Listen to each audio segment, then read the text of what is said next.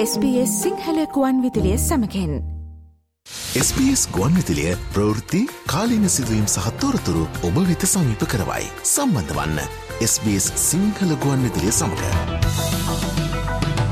මේ ගෙවිලගේ සතියේ ශ්‍රී ලංකාවේ දේශපාලනයේ වඩාත් උණුසුම් වාතාවරණය පිළිබඳව කතාබහ කරන අපේ සුපුරුදු සාකච්ඡාව සතිය ශ්‍රී ලාංකයේ දේශපාලනක පුවත් විග්‍රහය අපි එමනම් මේ විදිහට පුරුදු ලෙසින් අද සඳුද දවසේ ආරම්භ කරනවා.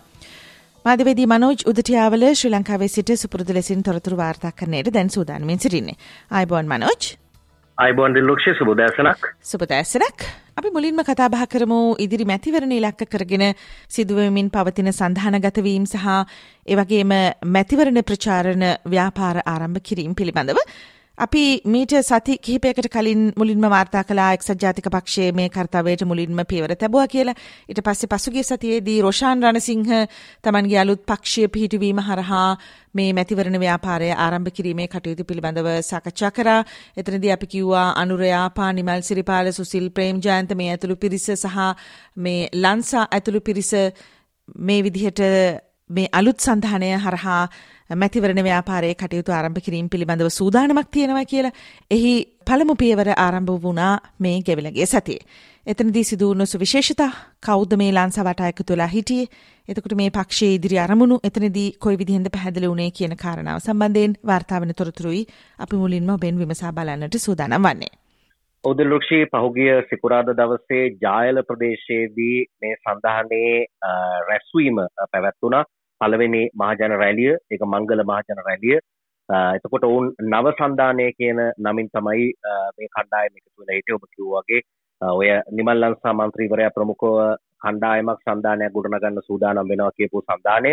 ඔහු ඒ මූලික අඩිතාලම දැනුමු කෙනා විදිහට කටයුතු කරද්දී අපි දැක්ක අනුර ප්‍රියදර්ශන යාපා මන්ත්‍රීවරයා තමයි මෙහි නායකයා විදිහට කටයුතු කරේ. අපි දැක්ක නලින් ප්‍රනාන්දු ඇමතිවරයා ලොකු සංවිධාන බරක් මේ මංගල ජනරැලිය වෙනුවෙන් අරගෙන තිබුණා. සුසිල් ප්‍රේමජයන්ත අමාත්‍යවරයා අවස්ථාවට සහභාගී වෙලා හිටියා. ප්‍රියංක රජාරත්න මන්ත්‍රීවරයා සහභාගී වෙලා හිටියා. එවැනි කණ්ඩායම් එකතු වෙලා ඔවුන් මේ ජයලින් සඳහනේ මංගල රැලි ආරම්භ කරා වගේම අපි දැක්කා වේදිකාවේදී නලින් ප්‍රනාන්දු ඇමතිවරයා කියනවා ජායලට මෙවැනි රැස්වීමකට ඒ තරම් සෙනගක් අරගෙන આવොත් එය අභියෝගයක් විදියට ආය බාරගන්න සූදානම් කියලා. එක ඔහුට විශ්වාසයක් තියෙනවා ජායලට මොන තරම් සෙනක ගෙනාවත් ඊට වඩා වැඩි සෙනකක් ගෙනල්ලා මේ සන්ධානයට යම් විදියට ජීවයක් දෙන්න ඔවුන් සූදානම් කියන අභියෝගය කරේ.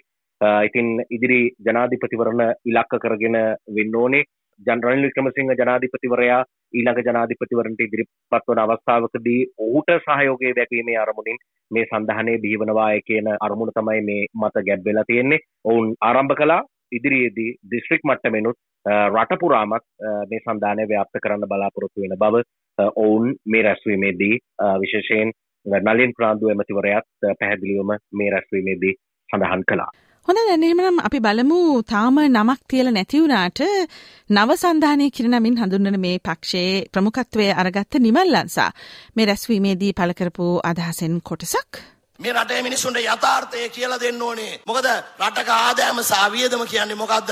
ආදායම වැඩි කරන ක්‍රමේ කවුරු හරි කියන්න ඕනේ. එහෙම නැත්නම් කවුරු හරි වියදම අඩු කරන ක්‍රමේ කියන්න ඕනේ. අපි දකිනවා දේශපාලන වේදිකාවල මේ කිසි දෙයක් ගැන කතා කරන්නේ විවිධ බොරු දේවල් කියනවා. මේ මොනවා කිව්වත් රටේ ආර්ථිකය හදන්න බෑ. ආර්ථිකය හදන්න නම් ආදායම වැඩි කරන්න ඕනේ. එහෙම නැත්නම් වියදම අඩු කරන්න. මේක තමුන්නාන්සලා තේරුම් ගන්න. මේක අපි අවංකවම කියන්නේ. තමුන්නාන්සලා ඡන්දේ දෙන්න පුළුවන් නොදෙන්න පුළුවන්. හැබැයි අපි සන්දානයක් විදිහට අපි තීන්දුව කරලා තියෙනවා අපි ඇත්ත කියනවා කියන එක. අපේ තමුන්නාන්සට කියන්න කැමති මේ සන්දානය අද පක්ෂයක් ලාංඡනයක් නායකයෙක් නැති වුණාට ඉදිරියේදී මේකට මං හිතන්නේ පාර්ලිමේන්තුව තුල දෙන්න විශාලම മന്ത്രിවරු සංඛ්‍යාවත් විශාලම පක්ෂ සංඛ්‍යාවත් එකතු කරලා විශාලම සන්දානය අපි නිර්මාණය කරනවා කියන එක තමුන්නාන්සලට කියනවා ඕ අපි එතනදී අර මීට කලින් වතාවේදී ගාල්ලෙන් ආරම්භ පැළවෙනි මැතිවරණ ප්‍රවර්ධන රැලිය එක්සත් ජාතික පක්ෂයේ සඳහන් කරපු අදහසුත් මේ විදිහට ඉදිරිපත් කළා. ඒ වගේම පසුගිය සතියේදී රොෂාන් රණසිංහ කියපු අදහස් ඉදිරිපත් කළා. දැන් මෙවර මේ නව සන්ධානයේ ලංසා ප්‍රමුඛ කණ්ඩායම ඉදිරිපත් කරන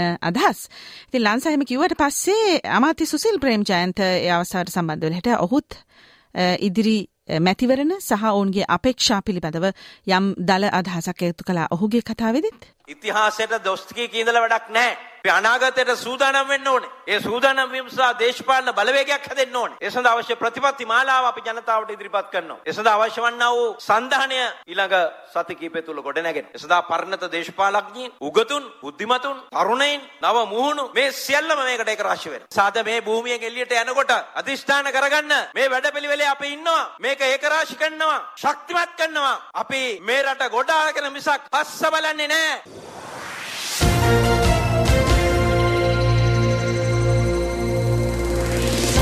ඉන් අනතුරුව අපිට වාර්තා වෙනවා ශ්‍රී ලංකා නිදහස් පක්ෂයත් සූදානම් වෙනවා කියලා ශ්‍රී ලංකා නිදහස් පක්ෂය මූලික කරගත්ත සඳහනයක් පිහිටවන්න. මේ සඳහාවන මූලික සාකච්ඡා විටින් විට පැවැත්වමින් තිබුණා. ඒ පිළිබඳව අපි මීට කලින් සතිවලදී තොරතුරු වාර්තා කරලා තිබුණා. එතනදිත් බනෝජ් මේ විටින් විට ආවා මේ චන්ද්‍රිකා බණ්ඩාරනායක කුමාරතුංග හිටපු ජනාධිපතිනියගේ මැදිහත් වීම කොයි විදිහෙන්ද සිදු වෙන්නේ කියලා. ආරංචි ලැබුණා ඇයට විශේෂ තනතුරක් හදලා පක්ෂය තුල ඇගේ සහභාගීත්වය ලබා ගන්න යලිත් සූදානම් වෙනවා කියලා. ඊට පස්සේ පක්ෂ නායකත්වයට ලබා දෙන්න යනවා කියලා යම් ආරංචි වාර්තා වුණා. දැන් එතකොට මේ ගෙවිලා ගිය සතියේ ශ්‍රී ලංකා නිදහස් පක්ෂය මේ සම්බන්ධයෙන් සාකච්ඡා කළා මේ ඔවුන්ගේ මධ්‍යම කාරක සභාවේදී. එතනදී මොනවද අලුතෙන් සාකච්ඡා වෙලා තියෙන කරුණු මේ ශ්‍රී ලංකා නිදහස් පක්ෂය මූලික කරගෙන හදාන්නට සූදානම් වන සන්ධානය පිළිබඳව? මේ කාලේ ඇත්තටම අපිට සන්දාන ගැන කතා කරන්න වෙනවා වැඩි. ඒකට හේතුව අලුතෙන් සන්දාන දී කරමින් චන්ද්‍ර ලෑස්ති වෙන නිසා දිනුක්ෂි. දැන් ශ්‍රී ලංකා නිදහස් පක්ෂයත් අවස්ථා කිහිපයකදී මේ සන්ධානය ගැන සාකච්ඡා කරලා තිබුණා. එතකොට ඔවුන් සූදානම් වෙන්නේ ශ්‍රී ලංකා නිදහස් පක්ෂය සූදානම් වෙන්නේ ශ්‍රී ලංකා නිදහස් පක්ෂය මූලික කරගත්තු සන්ධානයක් බිහි කරන්න. එතකොට ඔවුන්ට යටතේ බුලත් පොලේ හෝ පුටුව ලකුණු තෝරාගන්න ඉඩ තියෙනවා කියලත් වාර්තා වෙනවා. ශ්‍රී ලංකා නිදහස් පක්ෂයේ ප්‍රමුඛව ගොඩනගපු සන්ධාන තමයි ඔය බුලත් බුලත් පොලය පුටුව අත වගේ සඳහන ඉතින් එවැනි සඳහනයකට උන් යන්න සූදානම් වෙනවා වගේම මේ සඳහනේ නායකත්වය චන්ද්‍රිකා බණ්ඩාරනායක කුමාරතුංග හිටපු ජනාධිපතිතුමියට ලබා දෙන්නත් ඒ සාකච්ඡා අතරේ තීරණය වෙලා තිබෙනවා. නැත්නම් සාකච්ඡා වෙමින් තියෙනවා කියලා වාර්තා වෙනවා. අපිත් වාර්තා කරපු විදිහට චන්ද්‍රිකා කුමාරතුංග මහත්මිය ආයමත් ශ්‍රී ලංකා නිදහස් පක්ෂය සමග සක්‍රියව කටයුතු කරනවා නම් මීට පෙරත් ඒ සඳහා ඒ කියන්නේ යම් වගකීමක් ඇය දරන්න ඒ කියන්නේ තනතුරක් දරන්න බලාපොරොත්තුවක් තියෙනවා කියලා වාර්තා වුණා. ඒ අනුව වෙන්න ඕනේ මේ නායකත්වය දෙන්න යෝජනා කරලා තියෙන්නේ. කොහොමනත් සන්ධානයේ නායකත්වයට තනි තීරණ ගැන්න බලය නොදෙන්න. ඒ කියන්නේ මේක ශ්‍රී ලංකා නිදහස් පක්ෂයට වැඩි බලයක් සහිතව තීරණ ගන්න සූදානම් වෙන විදිහට ව්‍යුහය සකස් කරන්න කටයුතු කරනවා කියලා වාර්තා වෙනවා. ඉතින් ඔවුන් මේ දිනවල ඒ සන්ධානය පිළිබඳව ආයමත් සාකච්ඡා කරලා තියෙනවා. මනෝජර උතනදී මේ වත්මන් ශ්‍රී ලංකා නිදහස් පක්ෂයේ සභාපතිවරයා මෛත්‍රීපාල සිරිසේනගේ පැහැදිලි ප්‍රකාශයක් මේ සම්බන්ධව දකින්නට නොලැබීමත් යම් විශේෂත්වයක්. අපි දකින්නේ ඔහු මේ සම්බන්ධයෙන් රුජුව ප්‍රකාශයක් කරනවා. ඒ වගේම ඔබ කලින් සඳහන් කිරීමක් කළා මට මතකයි මීට සතියකට විතර කලින් මං හිතන්නේ සතියකට හෝ දෙකකට කලින් පැවැත්ුණා මේ බණ්ඩාරනායක ජන්ම සමරුව. එතනදී දෙදෙනා හමු වුණාම මූණට බලලවත් කතා බහ කළේ නැහැ කියලා. දැන් එතකොට එහෙම දෙන්නෙක්ද මේ එකතු වෙලා මේ අලුතෙන් නායකත්වය ලබා දීලා මේ විදිහට සඳහන හදන්න සූදානම් වන්නේ. යම් සැකයක් සහ කුකුසක් තියෙනවා මෙතන. දැන් අපක්ෂය ඇතුළේ ඇත්තට මොකද්ද වෙන්නේ කියන සම්බන්ධයෙන් ලොකු කුතුහලයක් තියෙනවා. මේ විදිහට සාකච්ඡා වුණාට මොකද්ද ඇත්තටම මේ වර්තමාන සභාපතිවරයාගේ මේ සම්බන්ධව තියෙන කියවීම ඔය අලුතෙන් හදන්නට යන සඳහන පිළිබඳව හෝ නායකත්වය ලබා දීම පිළිබඳව හිටපු ජනාධිපතිනී චන්ද්‍රිකා කුමාරතුංගට. ඔව් දැන් ඔබ කිව්වාගේ ඔය බණ්ඩාරනායක ගුණානුස්මරණයේදීත් එහෙම සාකච්ඡා නොවුණු බව මාධ්‍ය වාර්තා කළා අපිත් සඳහන් කළා. එතකොට ශ්‍රී ලංකා නිදහස් පක්ෂය විදිහට මෛත්‍රීපාල සිරිසේන හිටපු ජනාධිපතිතුමාට විවිධ කණ්ඩායම්වල ඉල්ලීම් මත තීරණ ගන්න සිදුවන බව අපි දැක්කා කලින් දෑසිට ජයසේකර මාලේකම්වරයා එක ඉන්නකොට එක ගමනක් යන්න වුණා. ඊට පස්සේ නඩුවෙන් දිනලා පක්ෂයෙන් අයින් කරපු කණ්ඩායම් නිමල් සිරිපාල සිල්වම ඇමතුමා ඇතුළු කණ්ඩායම් පක්ෂයට ආවට පස්සේ දෑසිරි ජයසේකර මන්ත්‍රීවරයාගේ තනතුර අයින් වෙන තැනට ගියා. එතකොට මේ එන එන කණ්ඩායම් පීඩනය සමග තමන්ගේ දේශපාලන අදහස් මත ඉදිරිපත් කරන වෙලාවට මං හිතන්නේ බහුතරයත් එක්ක එහෙම නැත්නම් ඒ සැර වැඩි පැත්තට යන්න වෙන බව තමයි පේන්න තියෙන්නේ. ඉතින් කොහොමනත් ඔබ කිව්වා වගේ මා දැක්කේ නෑ ඍජුව මේ සම්බන්ධයෙන් මෛත්‍රීපාල සිරිසේන ජනාධිපතිතුමා හිටපු ජනාධිපතිතුමා අදහස් පළ කරනවා. කණ්ඩායම් ඔහු සමග කිව්වට පස්සේ ඒ සඳහා සාකච්ඡා කරන්න නියෝජිතයන් යාම තමයි සිද්ධ වුණේ. චන්ද්‍රිකා කුමාරතුංග හිටපු ජනාධිපතිනියක සාකච්ඡා කරන්නත් ශ්‍රී ලංකා නිදහස් පක්ෂයේ කණ්ඩායමක් ගියා. මෛත්‍රීපාල සිරිසේන හිටපු ජනාධිපතිතුමා ගියේ නෑ. ඒ ප්‍රතිචාරය ඇවිල්ලා මෛත්‍රීපාල ජනාධිපතිතුමාට කිව්වා. ඒව අතර සාකච්ඡා වෙමින් තමයි තාම තියෙන්නේ. හැබැයි ඔවුන් තාම සන්ධානයේ ගොඩ නැගුවේ නැහැ. ගොඩ නගනවා නම් සන්ධානයේ නායකත්වය චන්ද්‍රිකා කුමාරතුංග හිටපු ජනාධිපතිනියට දෙන්න සාකච්ඡා වෙනවා කියලා තමයි දැනට වාර්තා වෙන්නේ.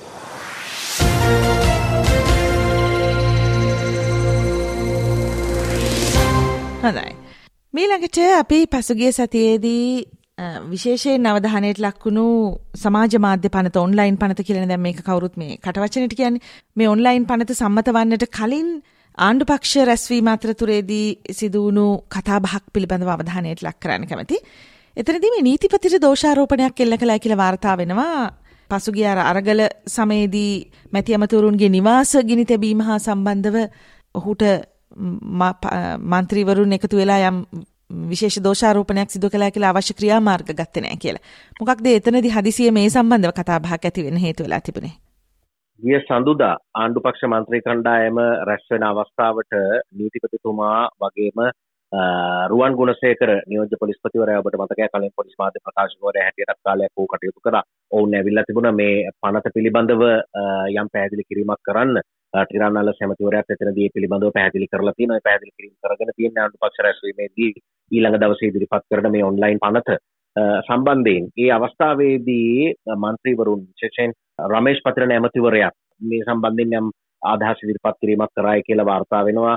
ඔය පෞගේ කාලෙ ගෙවල් ගිනි තිබ්බා නමුත් මේ වෙනකං ඊට අදාළ ක්‍රියාමාර්ග ගත්තේ නෑ නීතිය මොකක්ද මේ ක්‍රියාත්මක වෙන වගේ කාරණයක් රමේෂ් පතිර නැමතිවරයා මතු කරලා තියෙනවා ඒකට අශෝක ප්‍රියන්ත රාජ්‍ය මතිවරයක් මෙදිහත් වුණා කියලා වාර්තා වෙනවා කොමුණත් නීතිපතිවරයා කියලා තියෙනවා ගෙවල් ගිනි තියපු දේවල් පහරදීම් ගැන කරපු සමහර පැමිණිලි සම්පූර්ණ නෑ. සමහර ඒවට සාක්ෂි නෑ. සමහර ඒවා අඩුපාඩු තියෙනවා. කීප දෙනෙක්ගේ වට විතරයි නඩු පවරලා තියෙන්නේ කියලා. එමනම් පොලිසිය වැඩේ හරියට කරලා නෑ නේද කියන කාරණයකුත් එතනදි මතුවෙලා තියෙනවා. ඔන්ලයින් පනත ගැන කතා කරාට උන්ට සිදුවුණු හානියට තවමත් ආණ්ඩුව නියෝජනය කරන කණ්ඩායම් වෙලත් ඒ හානි සිද්ධ කරපු පාර්ශවයන්ට නීතිය ක්‍රියාත්මක කරන්න නොහැකිවීම සම්බන්ධයෙන් ඔවුන්ට තියෙන අප්‍රසාදය තමයි නීතිපතිවරයා ආපු වෙලාවෙත් ඔවුන් මතු කරලා තියෙන්නේ ඒවට නිසි ක්‍රියාමාර්ග ගත්තේ නැහැ කියන කාරණය මත එහෙමනම් අපි යනවා අපගේ විරාමයට විරාමෙන් අනතුරුව ලාංකීය දේශපාලනය හා සම්බන්ධ වන තවත් කරුණු කතා බහ කරන්න අපි යළිත් හමුවමු. SBS ගුවන්විතිලිය ප්‍රවෘත්ති කාලීන සිදුවීම් සහ තොරතුරු ඔබ වෙත සමීප කරවයි. සම්බන්ධ වන්න SBS සිංහල ගුවන්විතිලිය සමඟ. මේ ගෙවිලගිය සතියේ ශ්‍රී ලංකේ දේශපාලනය පිළිබඳව කතාබහ කරද්දී අපිට මේ පාර්ලිමේන්තුවේ වාර අවසාන කිරීම හා සම්බන්ධ වන කරුණු පිළිබඳව කතාබහ කරන්න පුළුවන්. මනෝජ් මෙතරදී නැවත වතාවක් අර පාර්ලිමේන්තුවේ කාරක සභහා අහෝසිවීමක් සහ ඒවා නැවතපත් කිරීමක් සිදුවීම පිළිබඳවත් කතා බහ වෙනවා. ඒ වගේම ඇතැම් කාරක සභහා අහෝසි වෙන්නේ නැති වගටත් තොරතුරු වාර්තා වෙනවා. මේ සම්බන්ධව සවිස්තර තොරතුරු දැනගන්න කැමතියි. ඔව් පසුගිය 26 වෙනි සිකුරාදා පාර්ලිමේන්තුවේ වාර අවසන් කරන්න කටයුතු කරලා තිබුණා. රනිල් වික්‍රමසිංහ ජනාධිපතිවරයා රටේ ජනාධිපතිවරයා විදිහට නිකුත් කරපු ගැසට් නිවේදනය අනුව එතකොට ආණ්ඩු ක්‍රම ව්‍යවස්ථාවේ හැත්තෑවිනි ව්‍යවස්ථාවෙන් ජනාධිපතිවරයාට පවරලා තියෙන බලතල අනුව තමයි මේ වාරාවසන් කිරීම සිද්ධ වුණේ කියලා වාර්තා වෙනවා. පෙබරවාරි මාසේ 7 වෙනිදා උදේ 10 මාරට තමයි ආයෙමත් මේ ගැසට් නිවේදනයෙන් සඳහන් කරලා තියෙන්නේ පාර්ලිමේන්තුවේ කටයුතු ආරම්භ වෙනවා කියලා. කොහොම වුණත්. දැන් පාර්ලිමේන්තු වාරාවසන් කිරීමත් එක්ක කෝප් කෝපා ඇතුළු කාරක සභා 50කට වැඩි සංඛ්‍යාවක් අහෝසි වෙනවා. එතකොට මේ කාරක සභාව ආයිමත් ස්ථාපිත කරන්න ඕනේ ආයිමත් පාර්ලිමේන්තුව ආරම්භ වුණයින් පස්සේ. දැන් අපි දැක්ක අපි මේ වැඩ විශේෂයෙන් ගැනුත් සඳහන් කළා සජිත් ප්‍රේමදාස විපක්ෂ නායකවරයාත් පාර්ලිමේන්තුව ඇව්වා Taman අහපු ප්‍රශ්න ගණනාවකට තාම උත්තර ලබා දීලා නැහැ. පාර්ලිමේන්තුවේ වාරාවසන් කරන්න යනවා කියලා ආරංචි වෙනවා. එතකොට මම ආයිමත් මේ ප්‍රශ්න අහන්න ඕනද කියලා. ඔහු ඇහුවා. එතකොට මේ ප්‍රශ්න වලට උත්තර දීලා නැත්නම් ඒවත් ආයෙ අහන්න වෙනවා කාරක සභාවත් අහෝසි වෙනවා. අර ඔබත් ඇහුවගේ කාරක සභා කිහිපයක් අවශ්‍ය නොවෙනවා ස්ථීර කාරක සභා. ඒව තමයි ස්ථාවර නියෝග අනුව බිහි කරපු උසස් නිලතල පිළිබඳ පාර්ලිමේන්තු කාරක සභාව. එතකොට ආණ්ඩු ක්‍රම ව්‍යවස්ථා සභාව වගේ සභාවන් ඒත් එක්කම ආංශික අධීක්ෂණ කාරක සභා. මේවා හැරෙන්න අනෙක් සියල්ල අහෝසි වෙනවා කාරක සභා පනහකට වැඩි සංඛ්‍යාවක්. එතකොට පෙබරවාරි හත් වෙනිදා පාර්ලිමේන්තුව පටන් ගත්තට පස්සේ මේවට අලුතෙන් පත් කිරීම සිදු කරන්නත් වෙනවා. විශේෂයෙන් අපි දැක්කා කෝප් කමිටුවේ ක්‍රිකට් බලධහරින් ආපු වෙලාවේ හස්ත සංඥා සම්බන්ධයෙන් කෝප් කමිටුව හිටපු සභාපතිවරයාට මේ ක්‍රියා කලාපයට එරෙහිව ගොඩක් දෙනෙක් හඬ නැගුවා කතා කරා. ඊට පස්සේ කෝප් කමිටුවේ ක්‍රියා කලාපයන් කාලයකට අත්හිටුවලා තිබුණා. එතකොට ඕන නම් අලුත් සභාපතිවරයෙක් එක්ක කොහොමද කෝප් කමිටුව අලුතෙන් පත් කරන්න නේ එතකොට අලුත් සභාපතිවරයෙක් එක්ක ඉස්සරහට යන්නත් පුළුවන්. සමට පරණ ප්‍රශ්න ටික කමතක් කරගෙනත් යන්න පුළුවන්කම තියෙයි. හොඳයි අපි බලමු මොකද වෙන්නේ කියලා.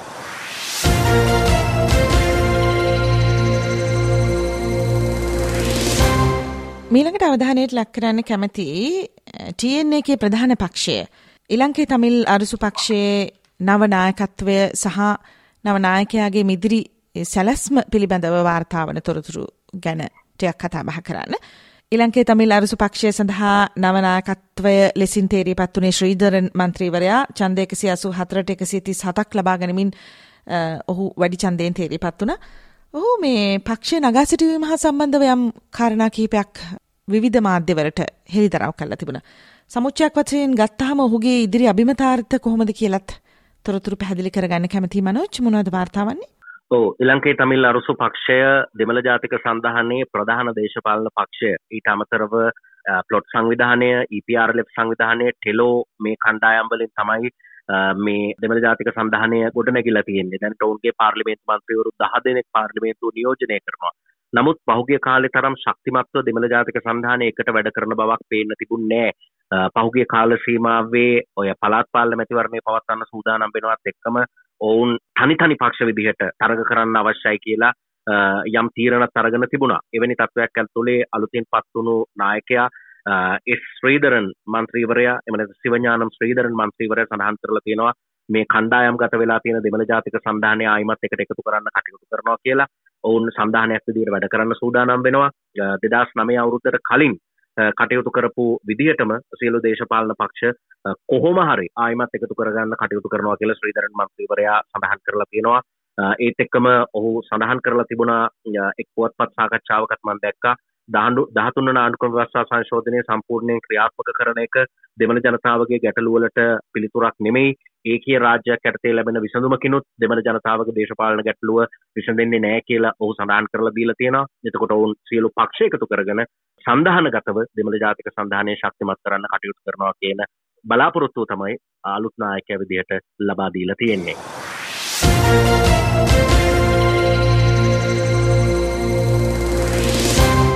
මීළඟට අවධානයට ලක් කරන්න කැමති පසුගිය බ්‍රහස්පතින්දා කොළඹ කටුනායක අධිවේගී මාර්ගයේදී සිදුවුණු හදිසි රියානතුරකින් අභාව ප්‍රාප්ත වුණු ජල සම්පාදන රාජ්‍ය අමාත්‍ය සනත් නිශාන්ත මහතාගේ අවමංගල්ල කටයුතු සහ ඉන් පසුව ඔහු වෙනුවට පත්වන පාර්ලිමේන්තු මන්ත්‍රීවරයා හා සම්බන්ධව වාර්තාවන තොරතුරුත් ඒවගේ අපිට ආරංචි වෙන මනෝජ් මේ වෙනකොටත් මේ මීළඟට පත්වන්නට නිමිත පාර්ලිමේන්තු මන්ත්‍රීවරයා සම්බන්ධ විවිධ පක්ෂ මේ වෙනකොටත් සාකච්ඡා ආරම්භ කරලා තියෙනවා කියලා ඔවුන්ගේ පක්ෂවලට සම්බන්ධ කර ගැනීම උදෙසා ඉදිරි මැතිවරණ ව්‍යාපාර පිළිබඳව වන මේ සංවිධාන ගතවීම පිළිබඳව කතා බහ කරද්දී මේ වගේ නොයෙකුත් දේශපාලන පැත්තෙන් තොරතුරු වාර්තා වෙනවා. සනත් නිශාන්ත රාජ්‍ය අමාත්‍යවරයාගේ අභාවයත් සමගම පත්වීමට නියමිත අලුත් මන්ත්‍රීවරයා හා සම්බන්ධව මම දැනගන්න කැමති අභාව ප්‍රාප්ත රාජ්‍ය අමාත්‍යවරයාගේ අවමංගල කටයුතු සිදුවන ආකාරය පිළිබඳව කෙටියෙන් සහ ඉන් අනතුරුව ඔහු වෙනුවට පත්වන්නට නියමිත මන්ත්‍රීවරයා හා සම්බන්ධව වාර්තාවන තොරතුරු. ඔව් සනත් නිශාන්ත රාජ්‍ය අමාත්‍යවරයාගේ අභාවයෙන් පස්සේ අවමංගල්‍ය කටයුතු ඊයේ දවසේ ආරච්චි කටුව ප්‍රදේශයේදී සිද්ධ වුණා.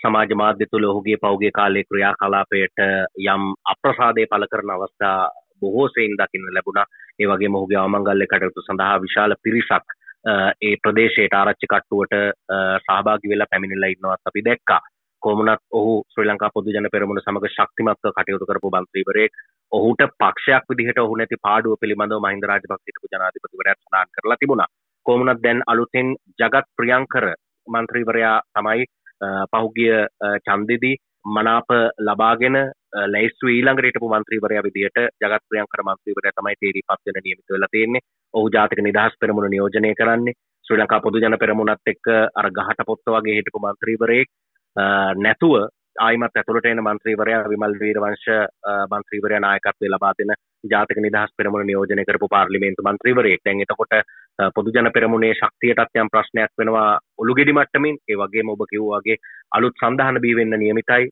සියලු පක්ෂ අපි දැක්කා එක්සත් ජාතික පක්ෂය වෙන්න පුළුවන් සමග ජන බලවේගය වෙන්න පුළුවන් දැන් ඔය නව සන්ධහනය ශ්‍රී ලංකා නිදහස් පක්ෂ මේ ආදී වශයෙන් බොහෝ කණ්ඩායම් සන්ධාන බී කරන්න උත්සාහ කරද්දී තමන්ගේ සන්ධානයේ සමාජිකයෙක් විදිහට මන්ත්‍රීවරු එක් කරගන්නත් ඔවුන් බලාපොරොත්තු වෙනවා. එහෙම සාකච්ඡා තියෙන්නත් පුළුවන්. කොමුණත් ඔහු ජාතික නිදහස් පෙරමුණ නියෝජනය කරන්න ජගත් ප්‍රියංකර මන්ත්‍රීවරයා බොහෝ දුරට ඔහු පාර්ලිමේන්තුවේදී සනත් නිශාන්ත රාජ්‍ය අමාත්‍යවරයාගෙන් හිස්සුණු පාර්ලිමේන්තු මන්ත්‍රීතුරයට පත්වෙන්න නියමිත වෙලා තියෙනවා. බොහොම ස්තුතියි මනෝජ්. ශ්‍රී ලංකාවේ මේ ගෙවිලා යන සතියේ දේශපාලනික වාතාවරණයේ සම්බන්ධව වන අලුත්තොරතුරු යවත්කාලීන කරන්නට අපිත් එක සම්බන්ධනට එමනම් අපි හෙට හමුව මූ මවබිමෙන් පොත් විශෂංකේතේ අයිබෝවන්. අයිබොන්ද ලුක්ෂි බොහොම ස්තුතියි.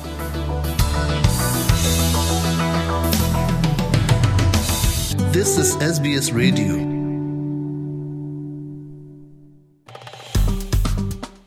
ලයි කරන්න ෂයා කරන්න අදහස් ප්‍රකාශ කරන්න. SBS සිංහල ෆස්බුක් පිටුව ෆලෝ කරන්න.